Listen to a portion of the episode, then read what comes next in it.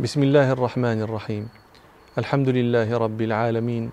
والصلاة والسلام على أشرف الأنبياء والمرسلين سيدنا محمد وعلى آله وأصحابه أجمعين مضت ثلاث سنوات على خروج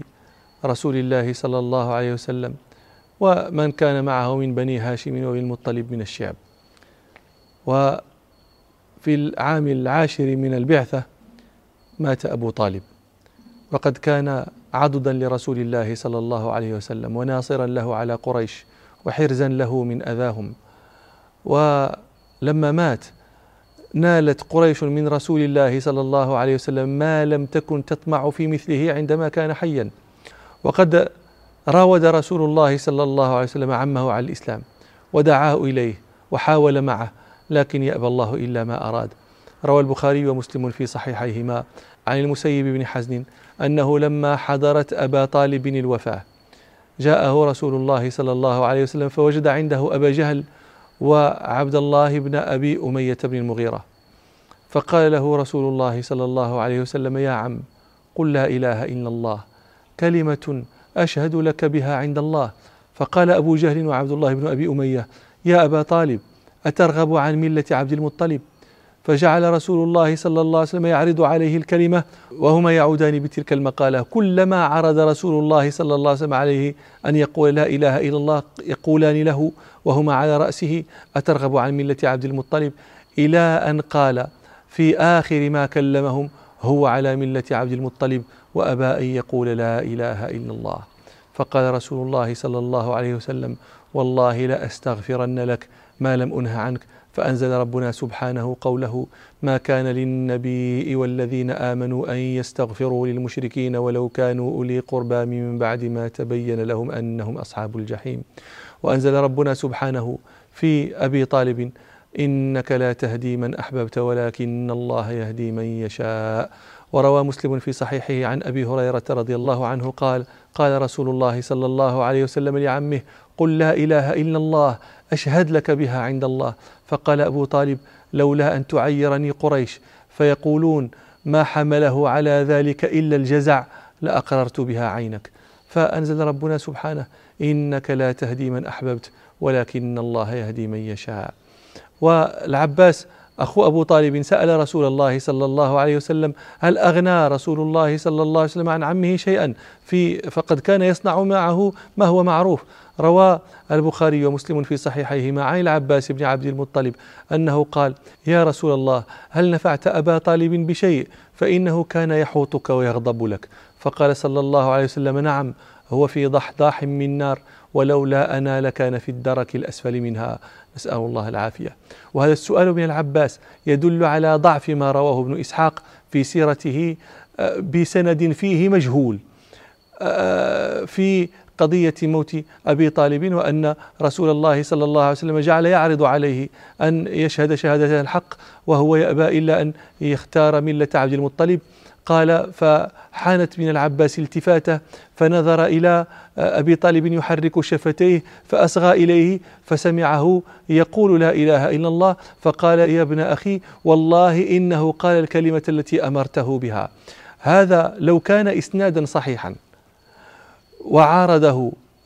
الحديث المتفق عليه لكان القول قول الحديث المتفق عليه فكيف وهو اسناد ضعيف فيه رجل مجهول ونحن نحزن لأن أبا طالب لم يسلم مع هذا الذي كان يصنعه مع رسول الله صلى الله عليه وسلم وكان يموت ولا يسلمه ولكن آه، لا رد لقدر الله ولا معقب لحكمه والله يعلم وأنتم لا تعلمون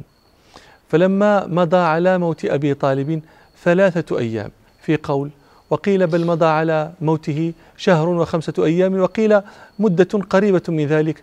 ماتت خديجة رضي الله عنها وقد كانت عضدا لرسول الله صلى الله عليه وسلم يأوي إليها ويشكو إليها فتهون عليه وتخفف عليه وتآزره وتهون عليه أمر الناس فاجتمع على رسول الله صلى الله عليه وسلم مصيبتان عظيمتان موت أبي طالب عمه وموت خديجة رضي الله عنها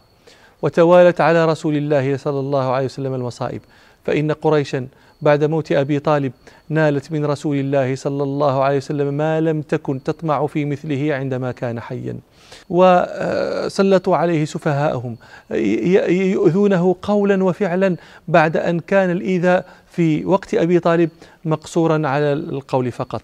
قال الحافظ ابن كثير رحمه الله وعندي أن غالب ما جاء عن الكفار من وضعهم سل الجزور بين كتفه صلى الله عليه وسلم ومن خنقه خنقا شديدا حتى جاء أبو بكر ففرج عنه ومن آه، زعم أبي جهل لعنه الله أنه يطأ على رقبته وغير ذلك عند ابن عند ابن كثير رحمه الله أن ذلك كله كان بعد موت أبي طالب وأما قبل موته فإن الإيذاء كان كان محصورا في القول دون الفعل روى الحاكم في مستدركه عن عائشة رضي الله عنها قالت قال رسول الله صلى الله عليه وسلم ما زالت قريش كاعة حتى مات أبو طالب كاعة جبانة يعني تكع تجبن لا تجترئ على رسول الله صلى الله عليه وسلم ذلك الاجتراء العظيم حتى مات أبو طالب وروى البيهقي في دلائل النبوة عن عائشة رضي الله عنها قالت قال رسول الله صلى الله عليه وسلم ما نالت مني قريش شيئا أكرهه حتى مات أبو طالب فلما اشتدت وطأة قريش على رسول الله صلى الله عليه وسلم وعلى من معه خرج صلى الله عليه وسلم إلى الطائف يبتغي النصرة من ثقيف وأن يمنعه من قريش وأن يقبلوا ما جاء به عن ربه وأن يؤازروه حتى يبلغ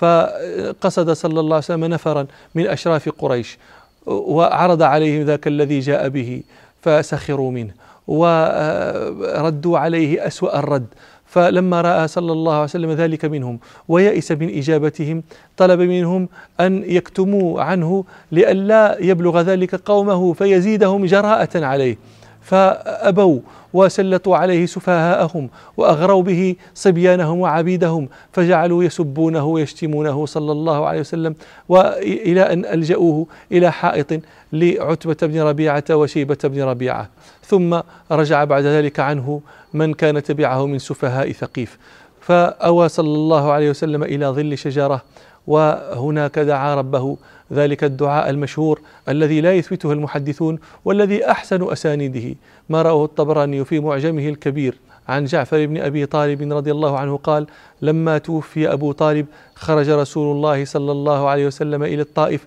يدعو ثقيفا الى الاسلام فلم يجيبوه فانصرف عنهم فاوى صلى الله عليه وسلم الى ظل شجره فركع فيها ركعتين ثم قال: اللهم اليك اشكو ضعف قوتي وقله حيلتي وهواني على الناس أنت أرحم الراحمين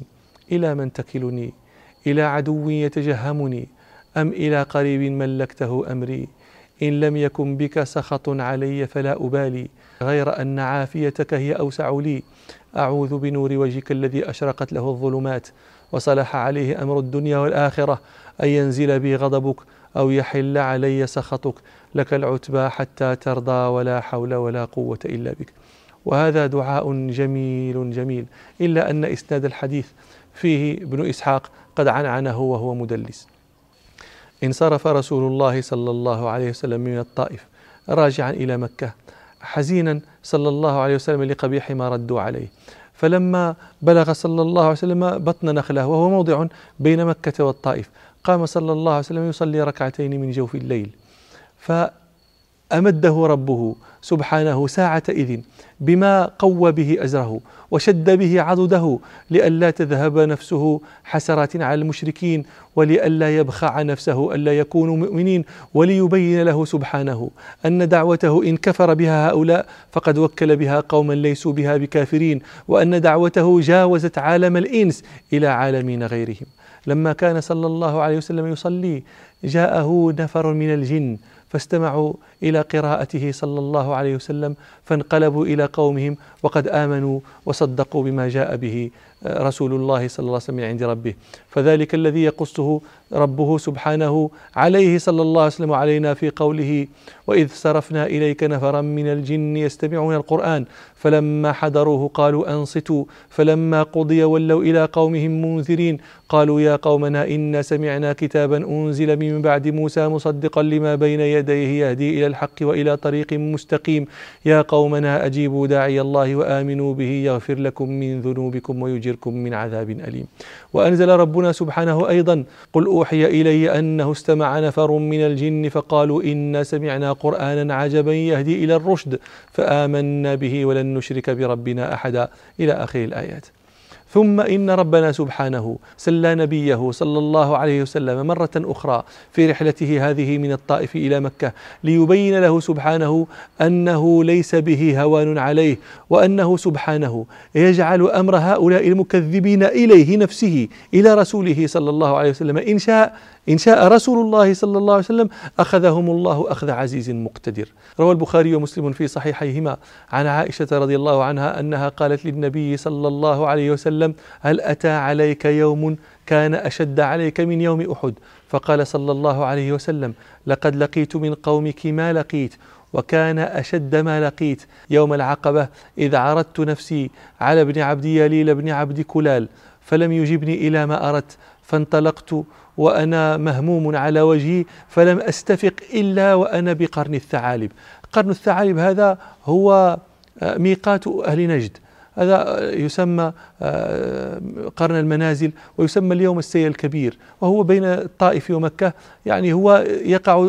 قريبا من نصف المسافة بينه وبين مكة في هذه المسافة كلها ورسول الله صلى الله عليه وسلم يقطعها على قدميه لا يشعر النبي صلى الله عليه وسلم بشيء ولا يعرف أين هو من شدة همه فلم يستفق إلا بقرن الثعالب لتنظروا هذا الهم الذي أدخله أولئك على رسول الله صلى الله عليه وسلم قال فلم أستفق إلا وأنا بقرن الثعالب فرفعت رأسي فإذا سحابة تظلني فنظرت فإذا فيها جبريل فقال يا محمد إن الله عز وجل قد سمع قول قومك لك وقد بعث اليك ملك الجبال لتامره بما شئت فيهم قال فناداني ملك الجبال وسلم علي وقال يا محمد قد سمع ربك قول قومك لك وما ردوا عليك وقد بعثني اليك ربك أدعوك لتأمرني فما شئت إن شئت أطبقت عليهم الأخشبين الأخشبان جبل مكة قعيقعان وأبو قبيس مكة يعني وسط الجبلين فقال إن شئت أطبقت عليهم الأخشبين فقال صلى الله عليه وسلم بل أرجو أن يخرج الله من أصلابهم من يعبد الله ولا يشرك به شيئا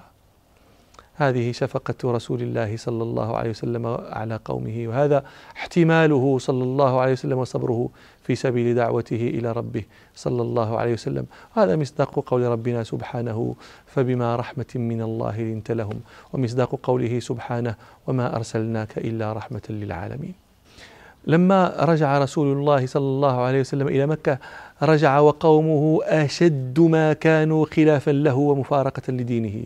فيذكر أهل السير أن رسول الله صلى الله عليه وسلم بعث إلى الأخنس بن شريق ليدخل في جواره إلى مكة لأن فعل ثقيف به جرأهم عليه صلى الله عليه وسلم فبعث إلى الأخنس بن شريق ليدخل في جواره فيقال إن الأخنس بن شريق أجابه فقال إن, إن الحليف لا يجير على الصريح فيقال إن رسول الله صلى الله عليه وسلم بعث إلى سهيل بن عمرو ليجيره فيدخل في جواره فقال له إن بني عامر بن لؤي لا تجير على بني كعب بن لؤي فبعث صلى الله عليه وسلم إلى المطعم بن عدي فقال له مثل ما قال للأولين فيقال إنه قال نعم فليدخل فلما فغدا آه، ولبس سلاحه هو وبنوه وبنو إخوته وأتى مجلس قريش فلما رآه أبو جهل قال أمتابع أم مجير فقال بل مجير فقال أبو جهل قد أجرنا من أجرت فدخل رسول الله صلى الله عليه وسلم وقد حفظ رسول الله صلى الله عليه وسلم للمطعم بن عدي يده هذه وأخبر صلى الله عليه وسلم أن لو كان المطعم حيا لكافأه رسول الله صلى الله عليه وسلم بتلك اليد فقد روى البخاري في صحيحه عن جبير بن مطعم هو جبير بن مطعم بن عدي أن رسول الله صلى الله عليه وسلم قال في أسرى بدر لو كان مطعم بن عدي حيا